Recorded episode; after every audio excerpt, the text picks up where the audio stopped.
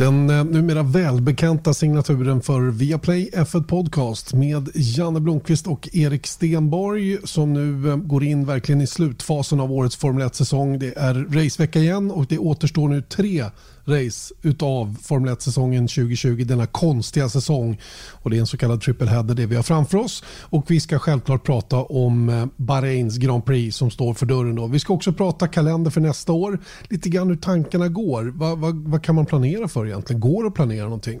Vi, vi pratar Ferraris form där eh, det verkar komma lite positiva tongångar ifrån eh, Maranello angående chanserna till nästa år. De är en helt ny motor man håller på att bygga just nu. Eh, vi pratar fighten i förra-VM, vi pratar eh, Schumacher, men inte Michael Schumacher utan Mick Schumacher den här gången för det är ju Formel 2 som går in i elden igen nu då med de två avslutande helgerna i det mästerskapet och det gör att vi kan glida in lite grann på silly season. Vad återstår av silly season? Spännande att höra också Dino Beganovic, vår svenske Formel 4-förare då som tog tre pallplatser senaste helgen på Imola och som tillhör Ferrari Driver Academy. Hör mer av Dino i dagens podcast och avslutningsvis en eh, noggrannare titt på Bahrains Grand Prix då, som jag nämnde på, här på Bahrain International Circuit. Erik Stenborg, efter ett matigt löp, hur ja, mås det? Det måste bra, tack. Det är eh, ganska tunt på um, nyhetsfronten i Formel 1. Det känns som att, eh, apropå det du sa om silly season, det känns ganska så utrett. Eh, VM är avgjort, bla bla bla. Men då tänkte jag att den här podden får handla lite om, utöver då Dino Beganovic intervju som kommer här lite senare. Så lite så här, vad är det vi tittar på just nu när vi ska göra våra tv-sändningar och eh, ändå som jobbar med Formel 1? Vad, mm. vad, är, vad är fokuset någonstans?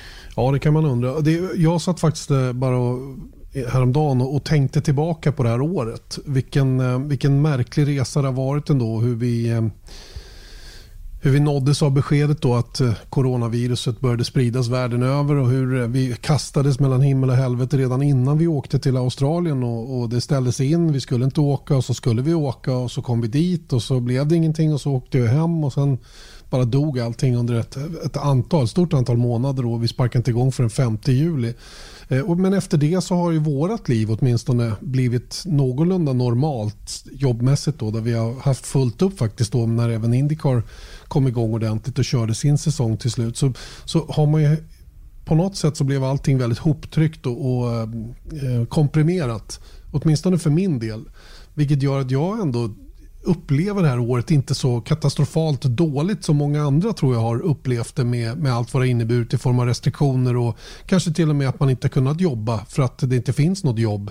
Mm. Eh, och allt vad, vad, vad tråkigheter som har inträffat för alla människor. Ja, det är intressant det där att hur man anpassar sig efter situationer någonstans. Jag, jag läste faktiskt Astrid Lindgrens eh, krigsdagböcker. Det är faktiskt en bok som jag rekommenderar. Det, man får en ganska intressant inblick i hur det var i Sverige under andra världskriget. Eh, och hon då förde dagbok eh, under alla de här åren. Väldigt så här, initierat och eh, blandat då med liksom vardagsbekymmer på något sätt. Och det, och det, är intressant och det är även en reflektion som hon gör att, att jag, jag jämför inte coronapandemin med andra världskriget förvisso då, men jag tänker ändå bara på fenomenet att i början när kriget bryter ut då är allting väldigt, väldigt nervöst och sen så efter någon, något halvår, ett år så, så rullar liksom livet på med det där igång. Så Den att, nya normen. Ja, exakt. Så det, det, är lite så. Jag tänker bara på så här, vad skrajmen hade varit om vi i Abu Dhabi, när vi sitter där på söndagskvällen efter racet och säger så här, men, eh, ni kommer inte åka ut på Formel 1. Det är, ni kommer få vänta åtta månader på att, eh, tills att nästa race eh, ens kommer igång. Alltså man hade ju fått panik. Men mm. nu är det så här, ja, det är de här uh, förutsättningar man har och då, då, då kör man efter dem på något sätt. Det man också kan notera tycker jag efter och vi ska väl prata mer om det här kanske när säsongen är över men, men man kan ju också notera hur duktiga Formel 1 har varit på att genomföra den säsong som faktiskt blev av och på det sättet som man har lyckats genomföra det eh, coronasäkert. Eh, vilket jag också är otroligt imponerad av. Den enda blippen där är väl egentligen ett av teamen då som kanske inte skötte sig och, och höll sig till de protokoll som gäller, då, nämligen Racing Point då, i samband med Tysklandshelgen. Men i övrigt, då, jag tänker kanske om man jämför med skidåkning, alpina skidåkning nu när, när en ledare var neg- äh, positiv i svenska, svenska landslaget och så fick hela landslaget hamna i karantän och fick åka hem för att det är så finska myndigheter jobbar.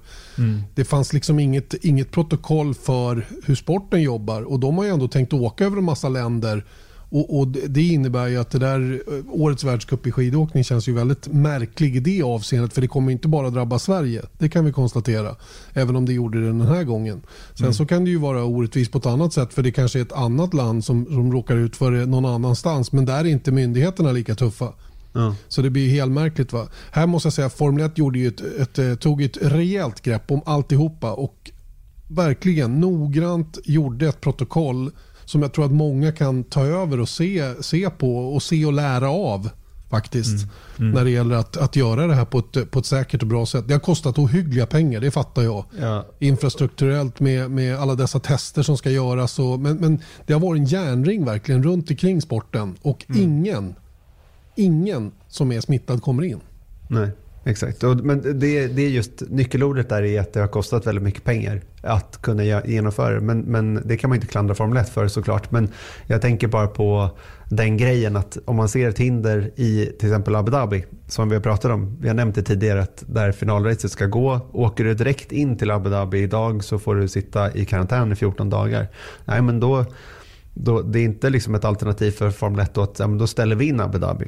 Utan då ser vi till att då skapar vi en, så att bubblan som inleds så att säga i eh, biosfären som inleds i Bahrain, den bibehåller vi genom att köra våra egna flygplan till, från Bahrain till Abu Dhabi och man får aldrig lämna de här jag tror att det är fem hotell som man måste bo på eh, på Yas Island. Eh, de tar bra betalt för de eh, charterflygningarna. nog. Ja, exakt, för att få åka med till, från Bahrain till Abu Dhabi. Men ändå, de löser problemet. Ja. Men nyckelordet än en gång är ju att eh, det kostar en del också mm. för alla inblandade. Jag läste nu att eh, alla som kommer till Bahrain till exempel blev ju, de fick ju gå raka vägen av flygplanet, gå igenom passkontrollen, eller kanske redan innan passkontrollen gå och göra en covid-test. Sen blev de genom pass in i en buss direkt till sitt hotell. Fick inte lämna hotellrummet förrän testen hade befunnits negativ.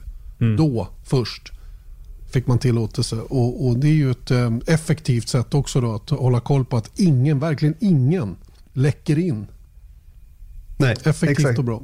Exakt. Men då kommer vi in här lite på kalendern nästa år. Och det, det, apropå det vi tittar framåt på är att som i, i mitt yrke så är det ju alltid nästa säsong. Att nu är det ju jag blir alltid lite så äh, stressad under, för den här poddens räkning i alla fall i slutet av året. För då tänker man shit, nu ska vi ha en off-season. Eh, och hur ska vi kunna hitta på grejer till en podd varje vecka? Eh, förra off-season var ju åtta månader lång. Eh, så det gick ju bra och nu är den ju ganska kort. För vi kör ju till mitten av december och sen ska vi dra igång igen i mars. Så det mm. blir bara det, det, är en superkort off-season. Men ändå då, då tittar man på kalendern och då kan man notera lite hur instabilt saker och ting fortfarande är. Vi har en preliminär kalender Formel 1 på 23 race. Eh, MotoGPs kalender tror jag är... Var det 19? Kanske, ja, 19? ja, nå, någonting sånt. Men poängen är att den är ju satt så att säga. Det här är det de ska köra efter. Men det betyder inte att den är garanterad. Eh, för MotoGP avslutades föregående helg. Och redan nu ser nästa säsongskalender ut att röra sig om. För att testerna som de kör traditionsenligt på Sepang, de eh, kan mycket väl strykas redan i veckan. Eh, på grund av smittoläget i, i Malaysia. Eh, vilket då innebär att de alla liksom försäsongstester kommer att köras i Qatar istället, på Losailbanan där. Där även första rundan av VM ska köras då. Men kanske rent av två. För det tittar man redan nu på för att Amerikas Grand Prix på Kota, alltså Circuit of the Americas i Austin, eh, verkar redan nu eh, vara väldigt instabil på sin plats i kalendern. Eh, och det i sin tur gör att om den stryks, då vill inte MotoGP sannolikt åka över med all frakt och alla motorcyklar och all utrustning över Atlanten för att bara köra ett race i Argentina. Och det här är kostnadsskälet. Argentina ser, jag är osäker på smittoläget i Argentina, men där är det rent av kostnadsskäl då som man tittar på att kanske, men då kanske vi hoppar över den också eller skjuter upp. Men skjuter man upp saker så är det väldigt svårt att komma in igen för att när ska det in så att säga i, eh, i rulliansen igen att åka över Atlanten. Så att det här är ju liksom, och det här är ju oavsett hur det ser ut idag sett till F1-kalendern 2021 så vet vi inte helt enkelt om det kommer att fungera. Jag menar, just nu ser det bra ut i Australien, väldigt bra till och med. De hade en sån här Aussie Rules fotbollmatch med 50 000 pers på läktarna. Men hur ser det ut i mars? Mm. Det kan vi inte svara på. Nej, och det är det som är det, är det, som är det oroande. Just att det inte går att planera för framtiden. Även om alla de här sporterna måste planera för framtiden och ha någon form av... Men du har ju själv fått order om att göra någon form av plan A, B, C, D upplägg. Mm. Vilket är också en, en, en, tuff uppgift då när man inte vet riktigt vad man ska börja. Vad ska man börja med? Och hur ska den plan A se ut? Ja, plan A är att vi åker på den kalender som ligger. Mm. Och, så, och, så, jobbar vi utifrån det. Ja, plan B är att vi stryker de fem första racen tills vi är säkra på att det är marginal att kunna åka ut i världen utan, eller i väntan på vaccin eller vad det nu än är. Och mm. jag menar, det är mycket som kan hända nu under kort tid. Ponera att det kommer ett vaccin och man börjar att massvaccinera. Mm. Och, och hela den biten. Och det är väl jag personligen tror jag att kanske vaccin kommer att krävas för att få flytta på sig runt om i världen. Ja, i slutändan ja. ja. Så, I varje fall i början där, för det är också en sån där grej att men det där det, det är ju liksom matematiskt omöjligt. För att om man tittar på så här, oh, okay, doserna, hur, jag menar, det vet ju inte ens stater idag. Liksom hur, hur folk ska prioriteras exakt. Jag menar riskgrupper och sjukvårdspersonal, ja. Det, men vad inkluderas i det? Eh, jag? Och jag tror att det, ja, antagligen. Du, du ser lite riskgrupp ut. Svensk Formel 1-kommentator måste ju vara högt upp på listan. Ja, jag tycker också det. För att inte tala om producenter. Exakt. Ja. Nej, men kontentan är här att, att eh, den här osäkerheten som alla har levt med får vi även i F1-sammanhang eh, leva med ett tag till. Mm. Jag tror att det vore väldigt naivt att tro att det bara rullar på så som det brukar. Eh, en försäsong och en start på en säsong, det har jag väldigt svårt. Jag tänker mig att första halvåret kanske kommer att vara påverkat. Nu ska vi väl tillägga att det här är ju lekmannauppfattningar från både dig och mig. Vi har mm. inte alls den insynen och, och, och kollen på allting. Det är bara en du brukar ju prata om magkänsla. Det är precis det man har inför det här. Och det är lite skönt tycker jag att man för att jag har, det har hänt grejer i mig under den här, den här, det här året utan resor. Och man har fått en helt annan inställning till saker och ting. Och man, man ser på läget, på en, man, man tar inget för givet längre och man blir inte besviken om det inte blir av. Utan man, man försöker vara kreativ på andra sätt och, och få det att funka på, på, ja, både privat och yrkesmässigt på, på ett bättre sätt. Så det, Vet du varför man inte blir besviken för att, om någonting inte blir av? Nej. Nej, för man planerar inte in någonting. Nej, nej, men visst är det så. Men, men jag vet ju hur det låter här hemma och det, det vill åka på semestrar och det är det ena med det tredje. Men jag säger, det är ingen idé. Lägg, lägg det bara åt sidan. Och mm. Rent generellt, jag menar, idag är ju, om statsministern går ut och säger att avboka allt.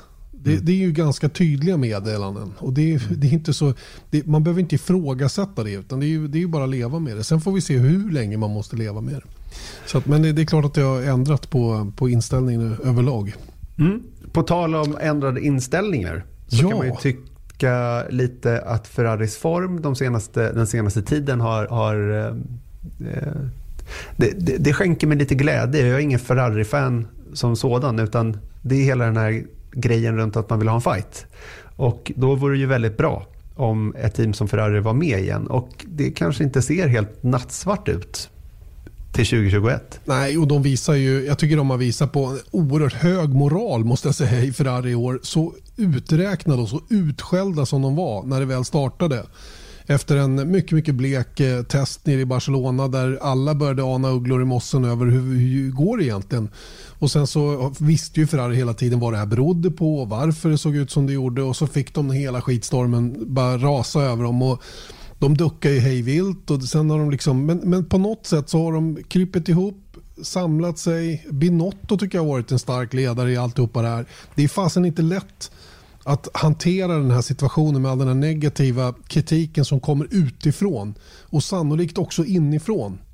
Mm. Där, där han kanske har lovat saker inåt som han inte kunde hålla då med tanke på de här tekniska direktiven runt hur motorn skulle köras när de kom. Så på, mot bakgrund av det så måste jag säga att jag är lite imponerad av hur de hanterar den här situationen och hur de har hållit hakan uppe och hur de faktiskt hela tiden tar små steg framåt. Mm. Med, med någonting som såg väldigt omöjligt ut under lång tid och nu då har möjlighet att, att bygga en helt ny motor vilket uppenbarligen verkar vara på gång.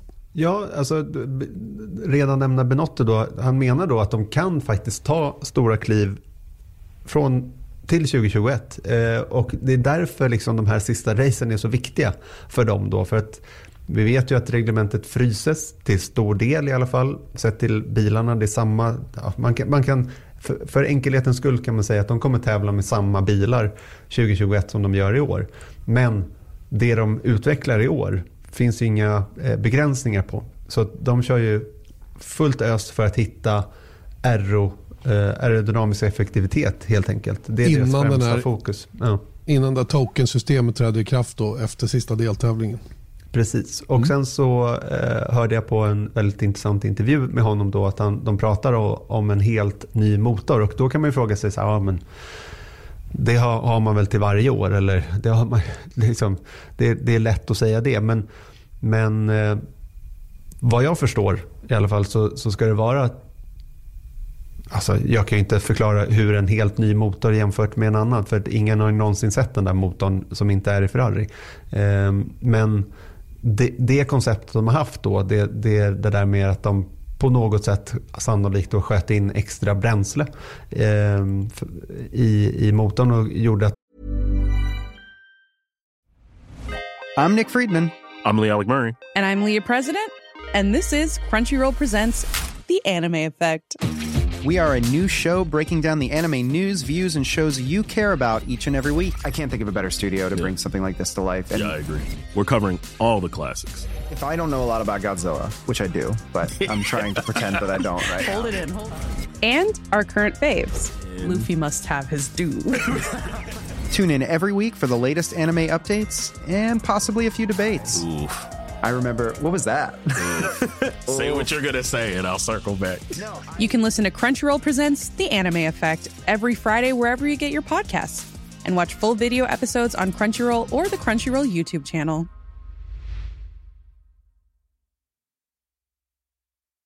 Hey, I'm Ryan Reynolds. Recently, I asked Mint Mobile's legal team if big wireless companies are allowed to raise prices due to inflation. They said yes. And then when I asked if raising prices technically violates those onerous two year contracts, they said, What the f are you talking about, you insane Hollywood ass? So to recap, we're cutting the price of Mint Unlimited from $30 a month to just $15 a month. Give it a try at mintmobile.com slash switch. $45 up front for three months plus taxes and fees. Promo for new customers for limited time. Unlimited more than 40 gigabytes per month. Slows. Full terms at mintmobile.com. De kunde ha den här magiska motorn som de hade 2019. Eh, och sen kom det de här direktiven i slutet av förra säsongen och vilket det gjorde att det, liksom, det föll platt. Hela, de kunde inte driva sin motor så som de hade tänkt. Det tar de ju då bort och hittar på ett annat koncept. Så det ska vara ett helt nytt koncept som de håller på med. Det kan de inte heller uppdatera. De får inte uppdatera motorn hej vilt till årets säsong. Inte till i år, nej. Men däremot att det de homologerar till nästa års säsong, det kan vara en helt ny motor. Så att, och det är väl uppenbarligen det de håller på med. Det, ja, med, det, det, gör de helt, helt klart och det är naturligtvis stort behov för det också. Och, ehm, ja, det är därför jag, jag, jag har rätt så stora förhoppningar om att de kan vara med igen. För att um, nu har de haft så pass lång tid på sig att göra någonting åt det här. Jag menar, i, det var ju under vintern som de fick reda på att den här säsongen var körd. Förra vintern. Januari någonstans. Ja. ja. Och, och sen dess har de naturligtvis jobbat flat out med att hitta någonting eller hitta, hitta tillbaka de här tappade hästkrafterna. För att det går att hitta dem, det har ju de andra motortillverkarna visat fastän de jobbar på ett annat sätt för att nå dit. Och det är ju det som Ferrari då har, har och då, de har ju en stark motoravdelning, det har de ju visat tidigare. Så det, det, kommer med all sannolikhet att vara en betydligt bättre motor som de har då i kombination med att de har gjort bilen mer aero efficient Det vill säga inte så draggy men, men ja, de har hittat någon form av kompromiss, kompromiss som gör att eh, de får fortfarande hyggligt med, med downforce men med hjälp av extra effekt så kan de liksom hitta ett bra upplägg där deras bil kan, kan bli en Mercedes-utmanare på riktigt allvar igen, vilket vi alla väl hoppas ändå. Det är ju tragiskt att se dem knappt gå vidare från Q1 liksom, och det, så vill vi inte ha det. Och det, Nu har de ju verkligen ändrat på steken och, och jag menar de var ju totalt uträknade i de första tre, fyra helgerna. Även om Leclerc gjorde starka resultat i, i Österrike, då, ett, ett av racen åtminstone, så, så såg man ju att det här, det här är inte, inte bra. Mm. Men med senaste resultatet i Turkiet då, där, där Vettel var, var trea och Leclerc fyra, hade Leclerc hållit sig på andra platsen som han var på väg upp på, då, då hade de varit, sett ännu bättre ut. Men trots det är de bara 24 poäng från Racing Point i konstruktörs-VM idag. Vilket är helt sjukt egentligen. Mm. Jag trodde att de var liksom, de kommer bli som bäst. Absolut som bäst femma. Det är mm. det allt de har att göra med. Men de har, jag ska inte säga vänt på steken, men de, de har tagit tydliga kliv. Um, återigen, alltså, de har ju varit imponerande målinriktade mot något. Det har hela tiden gått framåt. De, de, och Binotti sa ju det under, det är väl ett par månader sedan, att nu har vi nått rock bottom. Nu har vi liksom varit ner och vänt. Och det var, en viktig, var en viktig vändning för deras del och det har ju verkligen gått framåt sedan dess. Ehm, och till och med Sebastian Vettel såg ju riktigt skaplig ut i Turkiet senast. Nu får vi väl ta det lite grann med en nypa salt, det som hände i Turkiet. För det var ju ett väldigt speciellt race vädermässigt, eh, underlaget, allting. Nu kommer vi till Bahrain som har en massa raksträckor. Och där tror jag inte att Ferrari kommer att eh, vara en av de stark, ett av de starkare paketen. Va? Men återigen, kan de vara där runt 7, 8, 9 i ett kval med åtminstone en av bilarna, va? då är det fortfarande tydliga steg åt rätt håll. Mm, exakt, och det, och det, är väl det som vi tittar på nu, apropå när vi sa det, att vad är det vi, vi blickar framåt under de här sista tre racen är just så här, hur ser de ut på mer, under mer normala förutsättningar? Är de med hyfsat? Ja, men det, det, är positivt helt enkelt. Är de helt off i Bahrain, båda racen och sen i Abu Dhabi? Ja, då kanske man inte, den här förhoppningen vi uttryckt kanske inte är lika stark då. Ni lyssnar på Viaplay F1 Podcast med Janne Blomqvist och Erik Stenborg där vi har eh, pratat lite grann om eh, vad som komma skall då i början på nästa säsong kalendermässigt. Och vi har pratat Ferraris form som vi tror är på uppåtgående. Vi får väl ett tydligare bevis på hur bra formen är då kommande helg i Bahrain. Eh, vidare Erik, fighten om fjärdeplatsen i förar-VM är högintressant. Jag släppte ju för rätt många helger sedan det där superintresset för VM-titeln på något sätt. Va? Det har varit mycket, mycket roligare att följa mittfältsfighten i år och den är ju i allra högsta grad levande både i konstruktörs-VM men också i förra-VM. Ja, precis. Vi, vi, nämnde ju den fighten där med att Racing Point är, är i topp där och sen så har vi ju eh, McLaren och eh, Renault strax bakom Racing Point. Men tittar man på fjärdeplatsen i förra-VM som sagt då så kan man konstatera att Perez leder Eh, inte så konstigt med tanke på hans starka form den senaste tiden. Han har alltså varit topp 6 eh, i de fem av de sex, i, han varit topp 6 i fem av de sex senaste racen. Och då han inte var topp 6, då var han sjua. Oh. Så att de senaste sex tävlingarna har varit magiska för honom. Vilket tar honom då upp i topp i den här Best of the Rest-fighten. Men han är bara tre före en viss förare som heter Charles Leclerc. Oh. Och det är ju helt osannolikt också. Visst är det det. Men då ska vi komma ihåg att Perez har tappat två race den här säsongen också. När han inte mm. kunde starta överhuvudtaget. Va? Så att de där två, vet i 17 om inte de är... Alltså jag, jag, egentligen alla de här förarna som vi räknar upp nu, Perez, Leclerc och Daniel Ricciardo, är ju av det, av det rätta virket så att säga. De har varit otroligt starka i år med begränsat material. Mm, verkligen alltså. Och det, det, Ja, det, det är imponerande. Så det, och jag menar, det låter ju som att man reaching lite grann.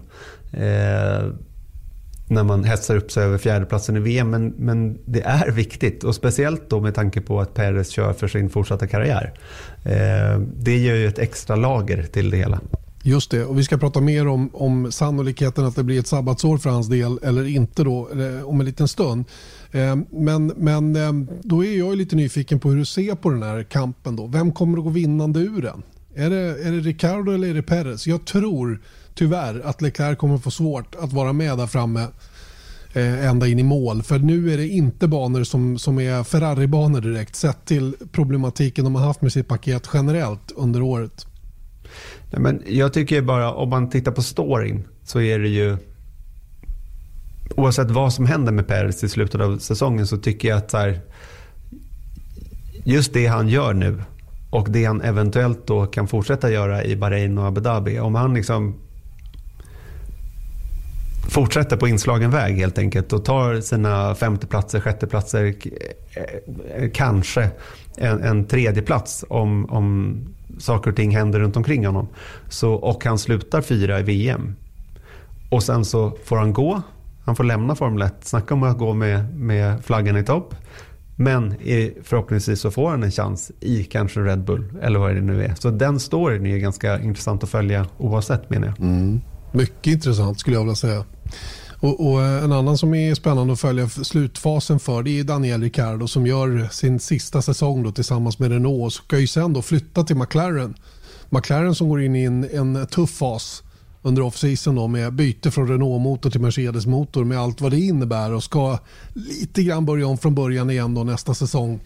Eh, även om inte det är, det, det är att överdriva det lite grann. Va? Men jag tror att det är, det är en ganska stor omställning då att gå från ett motorpaket till ett annat och kanske tvingas gå till en helt annan, ett helt annat aerodynamiskt koncept också, vem vet.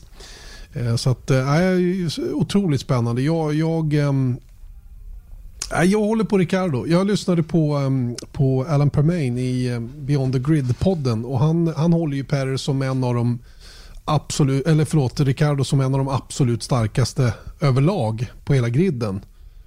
Eh, upp där med Verstappen, Hamilton och, och Leclerc. Och, ehm, jag, är inte, jag är inte helt oäven att hålla med om det, att han är av den kalibern så att säga. Va? Nej, det tycker jag. Och det är också att han verkar ha ganska kul i år med tanke på allt. Att så här, hans framtid är så, så liksom, den är utstakad med McLaren. Men just det faktum att han, han verkar köra ganska avslappnat. Eller hela han verkar vara ganska avslappnad och ha roligt medan han, han gör det. Och så går det också bra. Två mm. pallplatser för Renault är inte så illa. Det är det verkligen inte. Och vet du, det finns ett par saker till där faktiskt eh, Perez och Ricardo har ungefär eh, samma upplägg. De, de ser inte till att bränna några broar med sina respektive team trots att de ska lämna dem efter den här säsongen. Och Det tycker jag också sådär, det, det, det visar på sjukt bra lojalitet och ett starkt sportsligt sinne och, och liksom gentlemannastil på ett sätt som inte alla besitter på griden. Det kan jag garantera. Men de här två gubbarna är, till, de är intelligenta nog att förstå behovet av att ändå kriga på. Jag menar, de har ju båda allt att vinna på att fortsätta köra bra. Men jag vet många som skulle liksom kanske tappa sugen lite grann och, och inte, inte ja, Ska, I alla fall i dra... Peres fall som inte får vara kvar. Som helt enkelt blir utpetad. Det gäller ju inte för Ricardo. Men Peres blir ju alltså sparkad. Och är ändå fortsatt väldigt... Nu kör ju han för sin egen heder såklart. Va? Men, men um, han är smart. Mm. Men det är, om jag drar en gammal dänga till liknelse så, så skulle någon av dem hamna i, i få suga och köra Indy 500 så har de inga problem att få köra med en viss motortillverkare till exempel. Exakt. Och, och, ja, men där har du, det, det är ett jättebra, eh, ett jättebra exempel på, på någon som valde att inte jobba på det sättet. Exakt, och nu är inte varken Renault eller Mercedes eller vem det nu kan tänkas vara inblandade i, i Indycar. Men vi syftar ju såklart på Alonso som i sin frustration brände alla broar han hade till ett av världens största bilmärken. Av, mm. så, så, till den grad att han inte fick köra eh, för vissa team då som hade Honda-motorer i Indycar. När han mm. skulle köra, göra sina satsningar på Indy 500. Bad move. Bad move. Exakt. Eh, så är det. Okej, det är fighten om P4 i förra VM då. Eh, så har vi vem du hoppas på. Du hoppas på Perez. Ja. Eller hoppas tror på kanske vi ska säga. Jag, jag, jag hoppas på storyn där för att mm. det, det, det, blir en intressant just med slutklämmen där. Får han stanna, får han inte stanna? Ja, jag tror på Ricardo. Mm. Okej, då har vi varsin. Ja. Kör. Då tittar vi också på, som du nämnde i ditt löp här, på en Schumacher. Vi har pratat väldigt mycket om Hamilton och Michael Schumacher de senaste helgerna. Men i helgen är det en annan Schumacher som sagt, nämligen Mick. Eh, som just nu leder Formel 2. med sitt Prema-team. Och eh, han leder med 22 poäng över Callum Islet och 44 över Sonoda. Men det är 48 poäng att köra om i de två helgerna som är kvar. Och där tänker jag att det blir oerhört spännande. För det är inte bara mästerskapet som sådant utan det är även vad som händer därefter som, som eh, spelar roll när de här fyra racen som är kvar ska köras. Visst är det så. Och eh, Det handlar ju förstås om det här med var man placerar sig i årets Formel 2-mästerskap baserat på hur många superlicenspoäng man får. Och eh, Det här med att leta rätt på någon officiell lista på hur de ligger till med sina superlicenspoäng, det går inte. Utan det, man får förlita sig till personer då som, har, som har räknat på det själva. Då och, eh, eh, det, det, är ju det, det, som komplicerar ytterligare lite grann i år är ju att man faktiskt har lättat lite grann på, på reglerna och eh, man, man har sagt att eh, man får fyra säsonger på sig att skrapa ihop de här 40 poängen då som krävs. Eh, och, och, eh, istället för normalt tre då. Och det, det, kan ju förändra saker och ting hittan och dittan. Eller man får ta de tre bästa av de här fyra säsongerna. Så är det. Mm. Och superlicenspoäng är ju någonting som krävs för att få en superlicens och superlicensen krävs för att få tävla i Formel 1. Helt så, är det, så är det. Och eh, det är ju det som gör det här lite intressant. Och en sån som Yuki Tsunoda då, som, som eh, ryktas vara klar för Alfa Tauri redan men som ännu inte är bekräftad. Han har inte superlicenspoäng så vitt jag förstår det. Eh, han behöver alltså bli femma eller bättre i, i, i årets mästerskap då för att greja de här poängen som krävs. Mm. Eh, Mick Schumacher däremot, han har nog en licens redan då eh, baserat på, den fick han redan 2018 när han vann F3 för han hade poäng sen innan som gjorde att han nådde upp till 40. Och Ansöker man om sin superlicens redan då när man direkt når, även om man inte ska köra Formel 1, så har man sin superlicens och sen kan man bara förnya, förnya den. den ja. Precis. Och den som inte gör det när man kommer upp i 40, den är ju direkt korkad skulle jag säga. För det är lika bra att skaffa sig den så att man har den säkrad. Och eh, Det har också varit diskussioner huruvida han har kört med grön eller röd lampa under de här testerna han har kört. Men som jag uppfattar det så har han kört med röd lampa och det innebär att han har eh, superlicensen säkrad. För att har man det inte utan bara en så kallad testförarlicens då har man en grön lampa bak. Och det som, apropå det där att lösa sin superlicens, eh, det, det, den är väldigt dyr. Jag, jag kan inte svara på eh, hur dyr den är men jag har hört uppemot 250 000 kronor per år ja. för att, att ha den. Exakt. Eh, så det, det, kan ju ställa till det så att säga om man har lite skrap på kontot.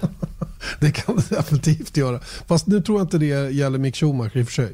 Nej, jag tror inte det heller. Men skulle jag helt plötsligt bli eligible att ta ut en superlicens så vet jag baske mig inte om jag skulle göra det ändå. Så. Nej, jag skulle nog tveka också faktiskt. Men en, sån, en sån som Nikita Mazepin då, som ryktas gå till till Haas, förlåt. Han, han, eh, han behöver bli sju eller bättre i år för att nå upp till de här 40 poängen. Han sitter på 33 just nu. Då. Eh, och Det är väl de egentligen som, som det handlar om. Ehm, som jag ser det i alla fall. Eh, vi får väl se lite grann när, de, när och om de offentliggör de här grejerna. Robert Schwarzman har en hiskelig massa poäng. Så han har ju superlicens för 2021. Han har till, jag tror han har 70 poäng. Han, mm. han vann ju F3 då, förra året. Eh, var ju trea i F3 året dessförinnan så det bara det är ju 50 poäng. Och sen lite Toyota Racing Series 10 poäng och Formula 1 och Eurocup då 2017 som ger honom 10 poäng. Det är ju det han har fram till nu. Så att, men men efter, efter den här säsongen så är det ju 18, 19 och 20 då. Men man får faktiskt ta med det där eh, 17 året också då om det är bland de, de starkare åren. Men det är tre av de fyra bästa senaste åren som man får lägga ihop poängen för att nå superlicens. Då. Mm. Men för, i ett försök att konkretisera lite vad, vad det, vi pratade om där, apropå att vad som händer i år då kan spela roll för en potentiell F1-debut. Om man, om man ehm, eh, ta Sunoda till exempel. Varför det dröjer till exempel med hela eh, vi vet ju att eh, Gasly ska köra vidare i, i Alfa Tauri nästa år och att Verstappen ska köra vidare i Red Bull. Men vi vet inte vad som händer med Kvet, vi vet inte vad som händer med Albon. Och då är det väl sannolikt så att Sunoda är deras huvudplan att köra i Alfa, Alfa Tauri. Men skulle det bli så att han tappar det totalt de här två sista tävlingshelgerna trots att han är trea nu och kanske slutar sjua, åtta i tabellen. Det är fullt möjligt om han klantar till det. Eller om någonting händer. Han kanske får covid och inte kan starta. Eh, vad som helst kan hända helt enkelt. Och då helt plötsligt så ställer ju det till det för Alfa Tauris planer. Så därav så kanske man inte vill, tänker jag då, från Alfa Tauris sida eller Red Bull-familjens sida säga att nej, Kviat han är ute och Albon eh, kör vi vidare med. Eller vad det nu kan tänkas vara. Deras planer hänger kanske lite på Sunodas.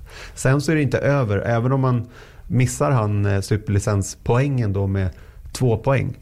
Ja, då, kan, då finns det ytterligare instanser som man kan eh, ansöka om då för att få ut den där superlicenspoängen. Men den är inte säker. Och den kan de inte ansöka om förrän de vet hur läget ser ut. Och därav kanske de inte kan annonsa hur det ska se ut för Kviat eller Albon nästa år. Just det. Och sen har vi ju det faktum att de som, de som man har sagt ska köra då den så kallade Young Driver-testen, då, bland annat Yuki Tsunoda, får ju då inte vara under kontrakt med något Formel 1-team för att få köra den testen. Är det så? Jag, tror att, jag är 98% säker så på att den här Young Driver-testen som körs då efter säsongen i Abu Dhabi. Det är till för förare som inte har kört mer än Max två Grand Prix. Max två Grand Prix de senaste två eller tre åren. Men också att de får inte vara under kontrakt för 2021. Till, eh, alltså med ett F1-team. Vilket gör då att Robert Schwarzman som är FDA-kille och Callum Milot som också är FDA-kille. De är redan eh, annonsade att de ska testa under det här testet då i Abu Dhabi. Men det är också för att då kan vi nästan konstatera att de ska inte köra Formel 1 nästa år. Dels finns det inga platser men ja. Just av det skälet ja. Ska Just det, det skälet. Mm, mm. Och Nej, då det... kan man ju undra varför det dröjer med Mick Schumacher. Man har ju trott att, att eh, Haas skulle annonsera eh, både Mazepin och Schumacher till Schumacher. Jag har fått bannor av en ja. speciell person men ni får leva med det här helt enkelt. Deal with it. Eh, att, att Vi vet blandar, vem du menar. Ja, jag blandar Det brukar jag hävda till alla som gnäller om uttal. Om de inte fattar vad jag menar då är man riktigt snett ute. Men det är klart kan, man ska vara noggrann. Jag kanske ska kalla dem skomakaren istället ja, för då är man ju ändå hemma. hur som helst. Att då kanske Haas vill köra både Mazepin och skomakaren i Young Driver-testet. Men därför kan de inte vara under kontrakt för Haas till nästa säsong. Och varför är det så då? Att de inte får köra när de är under kontrakt? Jo, för då får de ju en extra test. För ingen av de andra ordinarie förarna som får köra den där Young Driver-testen. Och det är väl helt enkelt ett, en, en reglementsenlig historia där man inte ska få några extra kilometer här utan, utan vidare. Bara för att man råkar vara ung och lovande och kanske på väg in i Formel 1. Ja, eller heter Fernando Alonso mm. som har velat köra den här eh, testen i Abu Dhabi. De har ansökt om typ dispens i någon form mm. för att han skulle köra. Dels då, och då tror jag det var att det där, de, de två senaste säsongerna har han inte kört två race. Men han är ingen young driver och dessutom så är han under kontrakt för Renault redan nu. Just. Ja, det var väl ett fåfängt försök att få honom att få testa den nya bilen såklart. Och de trodde väl att eh, de andra skulle vara lite schyssta sådär. Men mm. ack så de bedrog sig mm. kan man konstatera. Han har ju legat i ändå, han är en 2018-bil och verkligen gnuggat i just Bahrain då, så att han, han, han, han förbereder sig. Mm. Eh, en annan grej som vi inte har pratat om när det gäller Formel 1 det är ju faktiskt också det här med, eh, med Red Bulls motor då, efter säsongen 2021. Eh, för det är nämligen så att eh, det har ju varit tvärnit från Ferrari och Renault att gå med på att frysa reglementet då efter säsongen 2021. Eh, för att, eh, för att eh, de ville kunna fortsätta homologera en ny motor då, eh, till säsongen 22 då, innan det fryses till 23. Eh, vilket skulle komplicera saker för Red Bull som är beredda att ta över den motor de har ifrån Honda. Då, men vill ju då gärna att reglementet fryses efter 21 för då behöver de ju inte själva lägga några pengar på utveckling utan bara underhåll. Mm. Eh, och Det där var ju tvärnit som sagt i början. Då. Men nu har det svängt lite grann vad det verkar. Både Ferrari och Renault eh, är av allt att döma beredda att kanske gå med på Red Bulls önskemål här. Kanske har fått någonting i någon annan ända. Gungor och karuseller du vet. Som gör att de är nöjda då med livet som det är. Och, eh, det skulle ju underlätta för, för Red Bull trots allt som ändå är en stark kraft i Formel 1 att, att ha någonting bakom sig då som, som de eh, vet är konkurrenskraftigt. Då. Eh, och eh, jag tycker det vore en rimlig, en rimlig lösning på det här i och med att och vet, det kan ju vara så enkelt att Renault kommer på att vi orkar inte leverera motorer. Det är bättre att vi går med på det här så slipper vi leverera motorer till Red Bull med allt vad det innebär. Och Ferrari tänker exakt samma sak. Eh, För de, har, de är ju egentligen båda ålagda att leverera motorer om de kan. Men framförallt Renault då, som, som bara har sig själva nu efter den här säsongen. Exakt. Så att, eh, låt, oss, låt oss hoppas att de kan komma överens om just den biten då får vi se hur långt det räcker. Och det här Red Bull hänger ju väldigt mycket på att Honda går all in nu då, under 21 för att, lämna, för att de ska lämna med flaggan i topp och leverera ett väldigt bra motorpaket till Red Bull. Då. Att, att, att eh, fortsätta köra med även efter 21 och fram till nya reglementet träder i kraft till 26. Japp. Några korta då.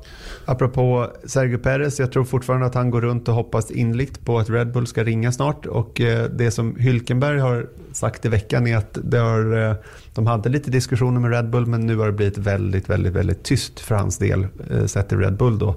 Så att det är väl Perez då som är kvar. Kanske, men vet ju inte hur mycket de talar med varandra heller. Men det är någonting jag hoppas på i varje fall. Några korta grejer till sett till de som vi vet kommer lämna. Då har vi Romain Grosjean. Är enligt eh, Marshall Pruitt. Eh, Jag skulle har- säga pole position-bloggen. Jaha, Ja. då tar vi den istället. Du har inte då. läst den? Du har inte läst den alltså? Men, men jag, jag pratar med dig så mycket ändå så jag räknar med att få, få all info där. Men nu, nu, nu tar vi Marshall Pruitt och Pole Position-bloggen. Eh, menar då att Romain Grosjean av de utgående Formel 1-förarna är väl han den som är mest sannolik då för att eventuellt hamna i, eh, i Indycar. Och Mm. det finns tydligen vissa diskussioner pågående med Dale Coyne, Just det. eh, teamet. Magnusen har varit eh, på tapeten länge, i varje fall utifrån sett, att han skulle också hamna i, eh, i, eh, i Indycar. Men jag har hört söderöver med våra danska redaktion som har ganska goda inblickar i, hans, i, i Kevins vara eller icke vara. Är att det har blivit ganska tyst runt Indycar sett till Magnusen. Och istället då att han har någonting på gång i Europa. Vad det är vet de inte. Men WEC kanske? så kan det vara. Det kan vara en Formel E kanske. Men där är det också Kan ont om stall också. Ja. Men, eh, eller någon reservförarroll i Formel 1 då eventuellt. Så kan det också vara. Eller en kombo av alltihopa. Precis. Man har ingen aning. Och rent Indycar-grej kan vi bara notera då att eh, Jimmy Johnson kommer köra för Chip Ganassi Racing under 2021. Men bara street and road courses. Och då var det fråga vem kommer ta de där oval, fyra ovalracen som ska ske. Och nu är det klart att Tony Kanaan ska köra ovalerna för eh, Chip Ganassi Racing i Jimmy Johnsons bil.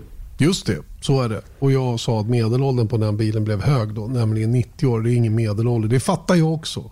Fick mycket skäll för det på Twitter. Nej, jag skrev fel kort och gott. Det är ju inte medelåldern utan det är den sammanlagda åldern som blir 90 år, lite drygt tror jag till och med. Eh, på den bilen då. Medelåldern blir hög, nämligen drygt 45.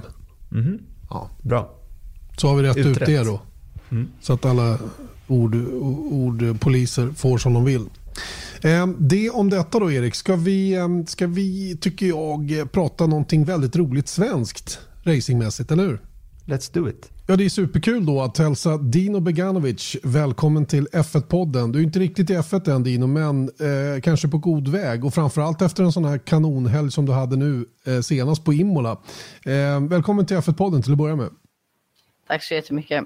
Eh, jag antar att det är rätt så god känsla så här någon dag efter den här eh, fantomhelgen får man väl ändå säga att det blev på Imola, eller vad säger du själv? Ja, det, det var en grym helg. Eh, vi hade riktigt bra fart från, från kval till eh, sista racet där jag kvarade pole igen i Imola eh, och tvåa. Eh, så vi säkrade första ledet i alla race eh, som var en väldigt bra grej redan där. Eh, sen så säkrade vi också podium i varje race och jag tog min första vinst. Um den, den, den kallas ju lite grann för en förarbana, just Imola-banan. Då. Är det, passar den dig speciellt bra eller var det bara att ni fick till bilen perfekt? Jag menar, du hade Gabriele Mini, då, din teamkamrat, med där framme hela tiden också. Jag menar, jag gillar banan väldigt mycket. Den är, den är väldigt speciell, historisk bana där man verkligen eh, kan pusha i kurvorna också. Det är inte så jättelånga rakor emellan. Det är liksom en, en lång raka. Eh, så nej, jag tycker vi fick, eh, ihop en bra balans i bilen också eh, jämfört med förra gången. Eh, så jag var jätteglad med, med bilen, att det var väldigt stabil. Eh, så nej, jag tror vi hade riktigt bra fart där. Ehm, och speciellt på den banan så tycker jag att det, det har känts väldigt bra på senaste. Hur, hur mycket hjälper det att banan är döpt efter dig? Ja du, eh, det kanske hjälper, jag vet inte. Nej. Det har ju gått extremt bra på den banan så. Exakt, det är det jag tänkte. Så den heter ju Enzo Edino Ferrari. Ja, det, det, måste hjälpa någonting i alla fall. Men, men vad var det som liksom lossnade rent konkret just den här helgen? Förutom banan, liksom, var det någonting så här, blir det så att man helt plötsligt hittar någonting med inställningen eller i sin egen körning?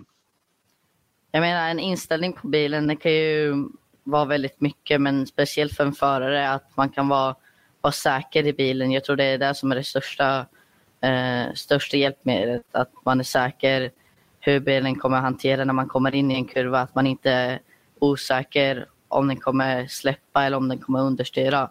Eh, så jag tror det var den balansen vi hittade speciellt eh, i den här helgen. Och det, det var väldigt bra och jag var väldigt glad med bilen. Eh, men det har varit väldigt bra fart. Vi har haft väldigt bra fart hela tiden på den banan i, i alla race också där vi tog två snabbaste varv. Så det var, det var en riktigt bra helg. Eh, och nu är det ju då eh, första platsen i mästerskapet redan säkrad av Gabriele Mini, då, din teamkamrat som du även raceade väldigt hårt mot i go-kart eller karting förra, eller ja, tidigare säsonger.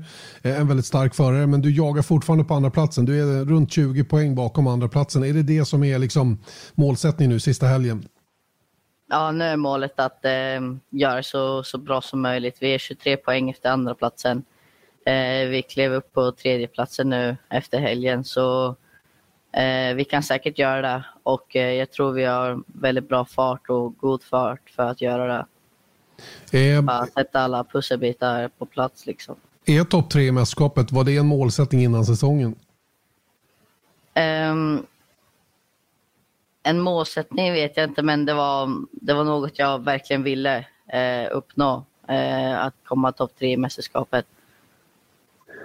Vi pratar ju ganska mycket i den här podden om att här, okay, men den här bilen kanske inte passar den föraren och, och nu pratar vi Formel 1 då och sen så är det liksom steget upp från F2 till F1 och ja, vänja sig vid det. Du har ju tagit ett väldigt stort kliv, alltså det största klivet som man kanske gör känns det som, är att gå från karting till bilar helt enkelt. Det här är ditt första år i, i formelbilar.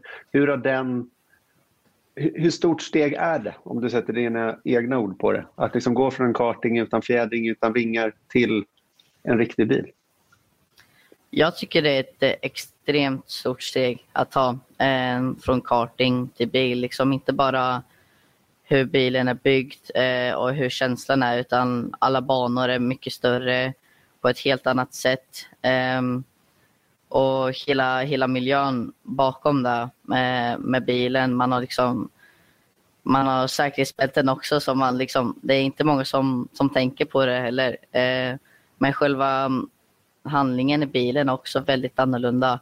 Att ta det steget från karting till eh, formelbil. Eh, så nej, jag tycker det är ett extremt stort steg. Och när jag skulle testa karting i vintras eh, som träning så jag visste jag visste inte hur man riktigt körde första dagen. Ehm, utan sen så vände jag, vände jag mig. Så, så nej, jag tycker det är ett extremt stort steg med, med downforce, med fjädrarna, hur, hur allting fungerar. Och, och just den grejen att, att eh, nu när du sa att du testade karting då igen, är, är det nästan så att man inte vill när det är ett sånt så pass stort steg, är det nästan så att man inte vill köra karting för för att liksom vänja sig av vid bilen igen? Eller? Jo, men nästan. Men eh, jag menar, karting det, det gör vi för att det, det är kul och träningen just nu. För jag tycker, jag tror karting är mer fysiskt jobbigt eh, än att köra um, formelbil, eller i alla fall den formelbilen som jag kör, Formel 4. Um, ehm, för jag tycker karting är alltid på så liten plats och det händer väldigt snabbt. Um, också med revbenen, att, man, att det tar emot. Och, nej, jag tycker karting är en extremt um, fysisk sport. Um, Är det någonting som har förvånat under säsongen då, rent allmänt då, i det här steget från karting till bil? Var det någonting som, som var en större utmaning än du hade förväntat dig? Jag tror den stora utmaningen var att komma in i racandet, hur man kör i bilarna. Um, för i karting så är det en helt annan grej hur man racear mot varandra.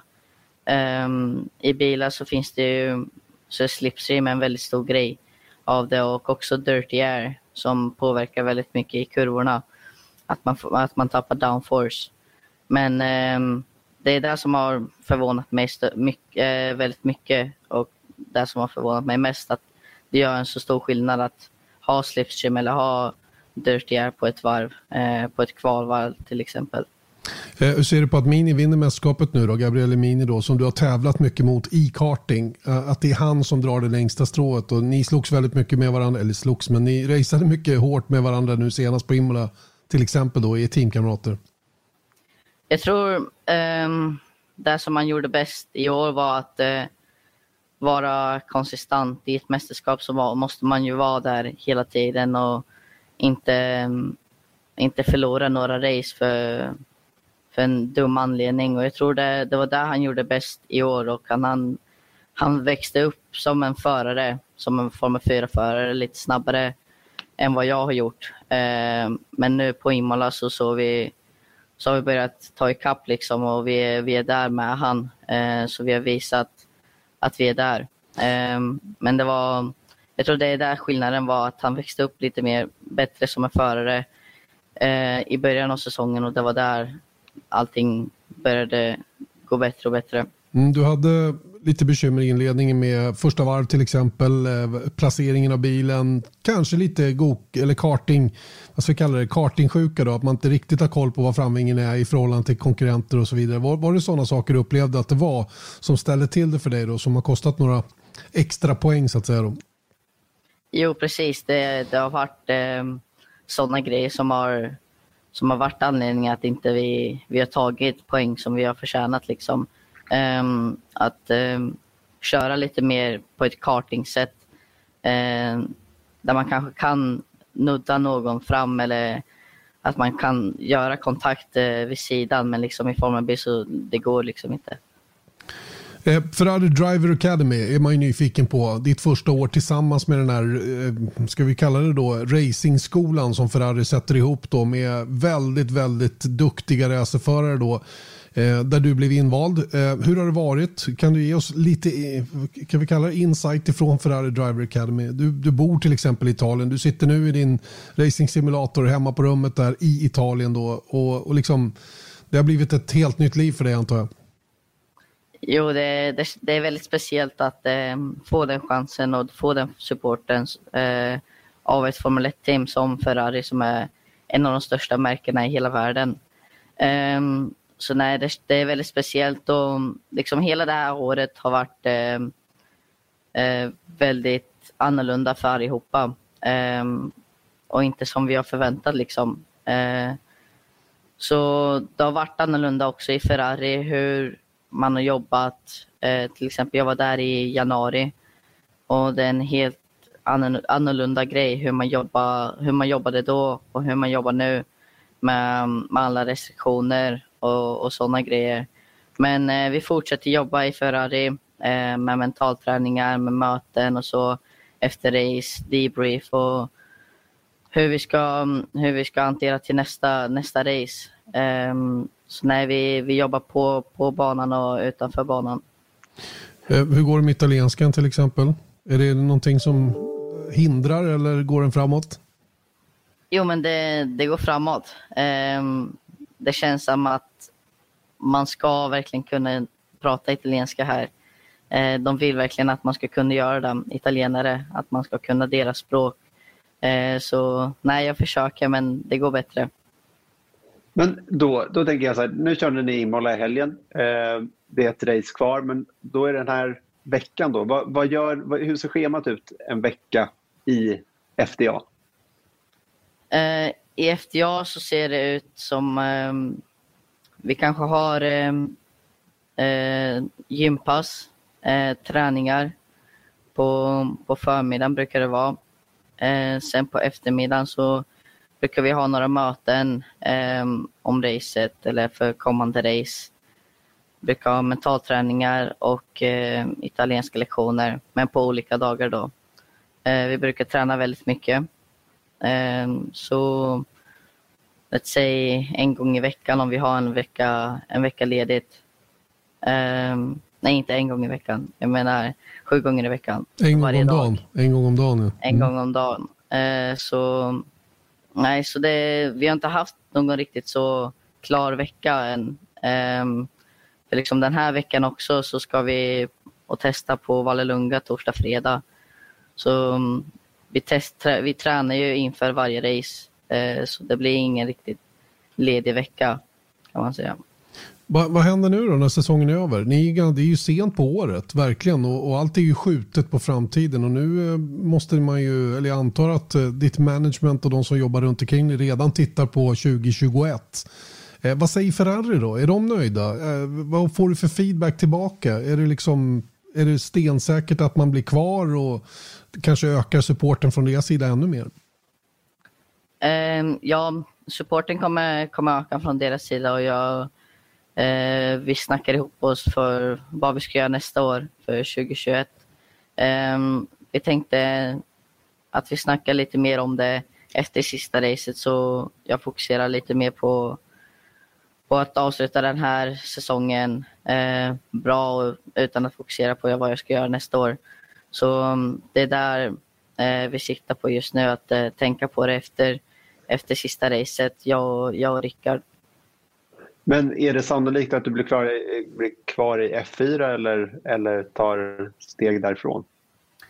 Vi får se. Vi får se. Jag har... Eh, jag har... Eh, vi har tänkt på det, eh, vad vi ska göra för nästa år. För liksom, om man går upp en klass så blir det ju mer grepp med mer downforce och mer power. och ehm, Det beror på hur sista racet blir eh, nu i Vallelunga. Det är där det beror på. Och Rickard är alltså Rickard Rudell, då, vår kollega på, eh, på Nordic Entertainment Group som vi numera heter och V-sport. Eh, Dino Beganovic, eh, himla kul. Vi får helt enkelt avvakta och se vad som händer efter den sista helgen. Då vidare besked om din framtid som ändå ser ljus ut tycker jag i alla fall. Utifrån min horisont så verkar det som att det har gått tillräckligt bra för dig. Håller du med? Jo, men jag tycker det har gått eh, väldigt bra som en första säsong i, i single seaters i en formelbil. Så nej, jag är nöjd med den hittills och jag ska, jag ska se till att eh, vi, vi avslutar det väldigt bra också. Var har du pokalerna? Pokalerna, de, de, är, de är i garderoben. Klassiskt. Det, det, de flesta det, är, är från de kommande, ja, de kommande, kommande pokalerna som är viktiga. Ja, precis. Eh, tusen tack Dino. Ha, ha en eh, jättebra avslutning på helgen. Ha en bra fortsättning på hösten in i vintern. Och så är du väl hemma till jul antar jag hos mamma och pappa och få fira lite på svenskt vis också, inte bara italienskt. Precis, precis. Tack så jättemycket. Ja, det var Dino Beganovic det. Ungdom från Linköping och tillhörande Ferrari Driver Academy då som kör eh, Formel 4, italienska Formel 4 och som tog tre pallplatser på Imola. Imponerande bra gjort. Mm. Och det var också lite imponerande en grej jag noterade över under vår intervju där. Att han satt i sin simrigg där han hade sin dator och webbkamera. Men han höll alltid i ratten också. Mm.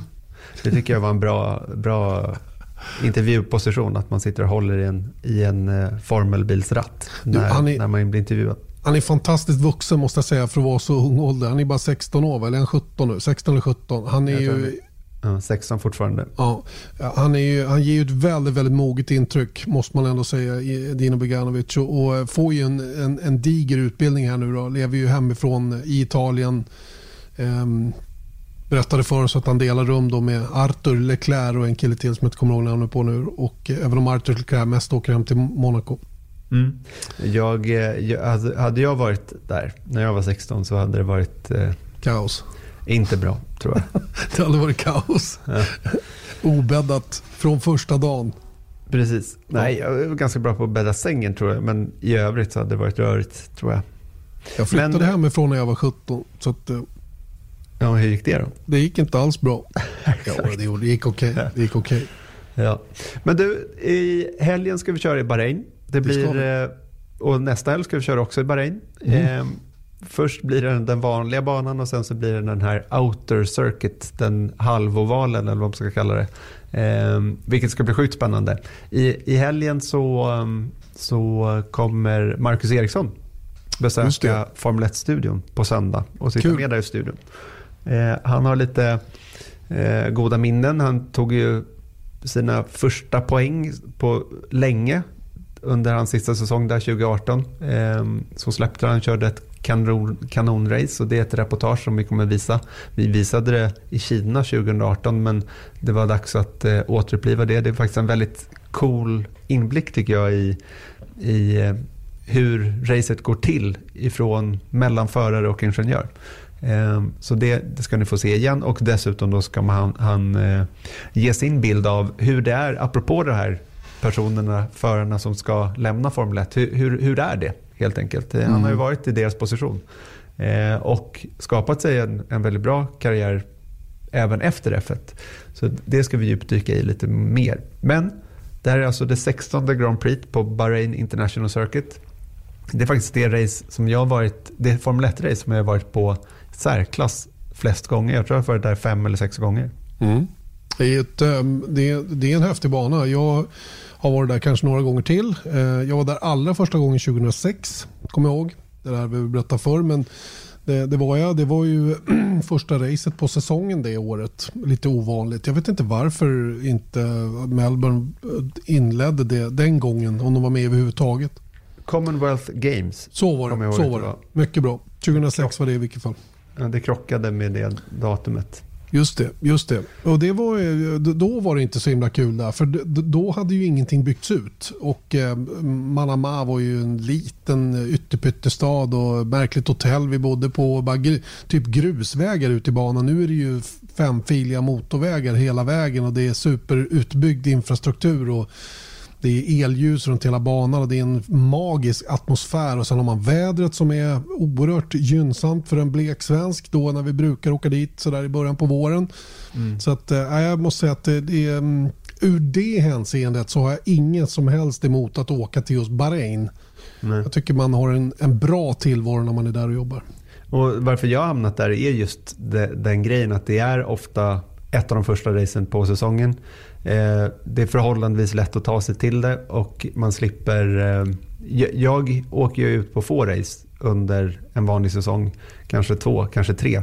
Men just tidigt på säsongen så, så är det bra om man är där. För det så kan man liksom träffa våra tekniska leverantörer och presschefer och allting sånt där och skapa den relationen som man behöver till senare under säsongen. Så det är därav eh, jag har hamnat där ofta. Det är inte eh, jättemånga svenskar tror jag som har varit i Bahrain fem, sex gånger. Nej, Även om du har varit där flera gånger. Ja, ja, men jag är ingen vanlig svensk.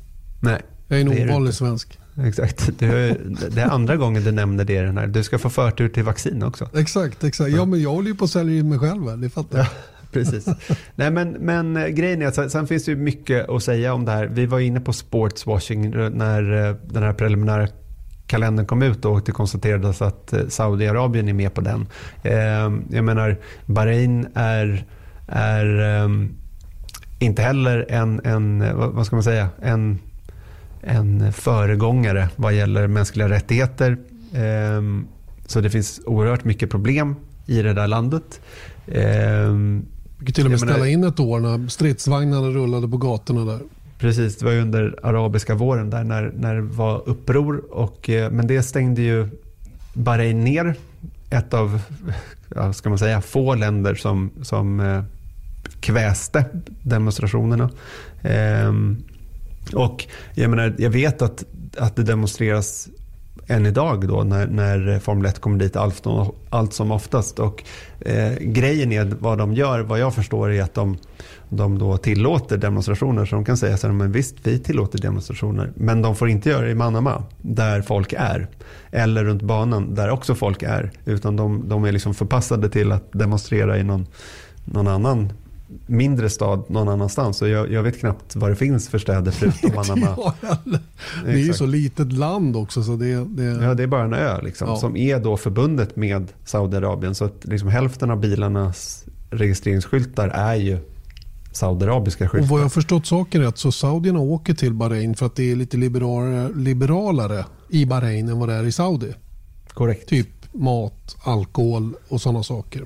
Visst, så, att, så det är ju det är ett problematiskt land. Men sett till jobb, om vi liksom väljer att bryta, ut, bryta ner till det så är ju eh, Bahrains GP väldigt, väldigt bra. Det, Mm. det är eh, lätt att jobba där helt enkelt. Helt enkelt. Och det är en ganska cool bana också tycker jag. Den är inte alls så dum. Den, den är ju naturligtvis en tilkebana med allt vad det innebär. Va? Men, men jag tycker ändå han har hittat rätt så väl. Eh, gillar det här S-partiet då som vi går miste om andra racet. Från eh, kurva 4 när man vänder i hårnålen där så går man igenom 5, 6, 7 och sen en hård inbromsning kurva 8. Sen till 9 som är ojämn inbromsning, nedväxling. Sen har den DRS och sen har du ett väldigt snabbt parti igen och den, är ganska, den tar hårt på både bak och framdäck. Många banor är ju antingen front-end limited eller rear-end men den här är både och på något sätt för att det finns både hårda accelerationer men också jobbigt för vänster fram. Och det ska bli sjukt spännande att se andra racet så småningom när vi kommer dit. Men det kan vi snacka om i nästa veckas podd när vi blickar lite närmare på den här outer circuit. Då. Vilken är det som har lyckats bäst i, i Bahrain då, rent resultatmässigt av nuvarande förare? Ja, det- är ju det är lite det som du säger, att det blir ofta bra race där. Det känns inte som att de här ökenracen på tilkebanor ska liksom komma med så mycket curveballs. Men det händer allt, allt som oftast i, i Bahrain, vilket det allt som oftast inte händer i Abu Dhabi. Så att ba, banans beskaffenhet, som du säger, är ju Liksom, det, det liksom ger lite lobbar eh, som är lätta att smasha in då, så att det blir ofta bra race där. Men med det sagt då så har Vettel vunnit fyra gånger här och Hamilton har vunnit tre. Så om han vinner i helgen så är, är båda på fyra. Och jag menar av 16 race eh, totalt sett så har de två vunnit hälften. Så det är inte så att det är så här eh, det är inte regn på Istanbul Park. Park-läge här. Men eh, det är en normal bana i, i det avseendet. Men dock ett ofta bra race. Vettel är även bäst i kval. Eh, tre pole positions och Hamilton kan även tangera det om han tar pole position på, på lördag. Rätta mig om jag har fel. Vann inte Vettel sitt första race i Ferrari i Bahrain? Eh, Jag kan inte rätta dig. inte, eh, jag, jag, jag vill så gärna minnas att det var på det viset. Och det var ju så ohyggligt nära för eh, Charles Leclerc förra året när eh, hans eh, eh, ERS slutade fungera i slutet på racet. Och då han var ju en passagerare när alla bara seglade förbi honom. Eller alla, två bilar seglade förbi honom. Och han fick nöja sig med tredjeplatsen en gång efter egentligen att ha dominerat racet fullt ut. Då. Men, men då var det det som stökade till för honom. Det var inte, för visst kom Vettel till Ferrari 2015? Ja. Då var det Hamilton som vann och 16 var det Rosberg som vann och 17 var det Vettel som vann. Där ser man. Okej. All right, all right. Du Det- hade fel. Jag hade fel, jag hade fel. Jag vet bara att han vann. Men det var ju alltid något. Jag hade 50% rätt. Mm. Han vann också 12 och 13 så det kanske var det du blandade ihop det med. Ja. Eh, Du var inne på lite grann vad studion kommer innehålla. Marcus Eriksson gästar. Eh, gammalt skönt rep från 2018. Eh, något annat som vi kan erbjuda tittarna tror du? Det är mycket på gång. Ja. Inte allt som är klart dock. Nej. Så att eh, vi ber att få återkomma till helgen. Det gör vi, så gärna. Och Ja. eh, vi ser fram emot ett, ljus, ett elljusrace den här helgen. All, samtliga Samtliga av tre, de resterande race som är kvar kommer köras under... Just det, under lamporna. Precis. Och ehm, ja, ja, det ska bli spännande. Mm. Eller spännande, det, är, det ger alltid en skön inramning tycker jag med lite elljus. Jag, jag, jag, det tycker jag var en, ett, ett bra tillskott i Formel 1 när Singapore var först med att eh, elljus belysa banan. Mm. Nu har vi eh, pratat väldigt länge och mycket. Eh, hoppas ni har haft lika trevligt som oss. Vi ber att få återkomma närmast i veckan. Missa inte våra tider nu. Eh, sociala medier för eh, Viaplay. Motor är det som gäller för alla tider som, som, eh, som gäller runt omkring träningar och kval och race och hela den biten. Så att ni inte missar någonting. Och glöm nu för all del inte heller att kolla lite F2 den här helgen. För jag tror att det kan bli lite spännande de här två avslutande tävlingshelgerna för deras del om vilka eller vem som kommer att lyckas allra bäst och ta hem titeln i det mästerskapet. Eh, all right Erik, då säger vi så. Det gör vi. Tack. Hej. Hej.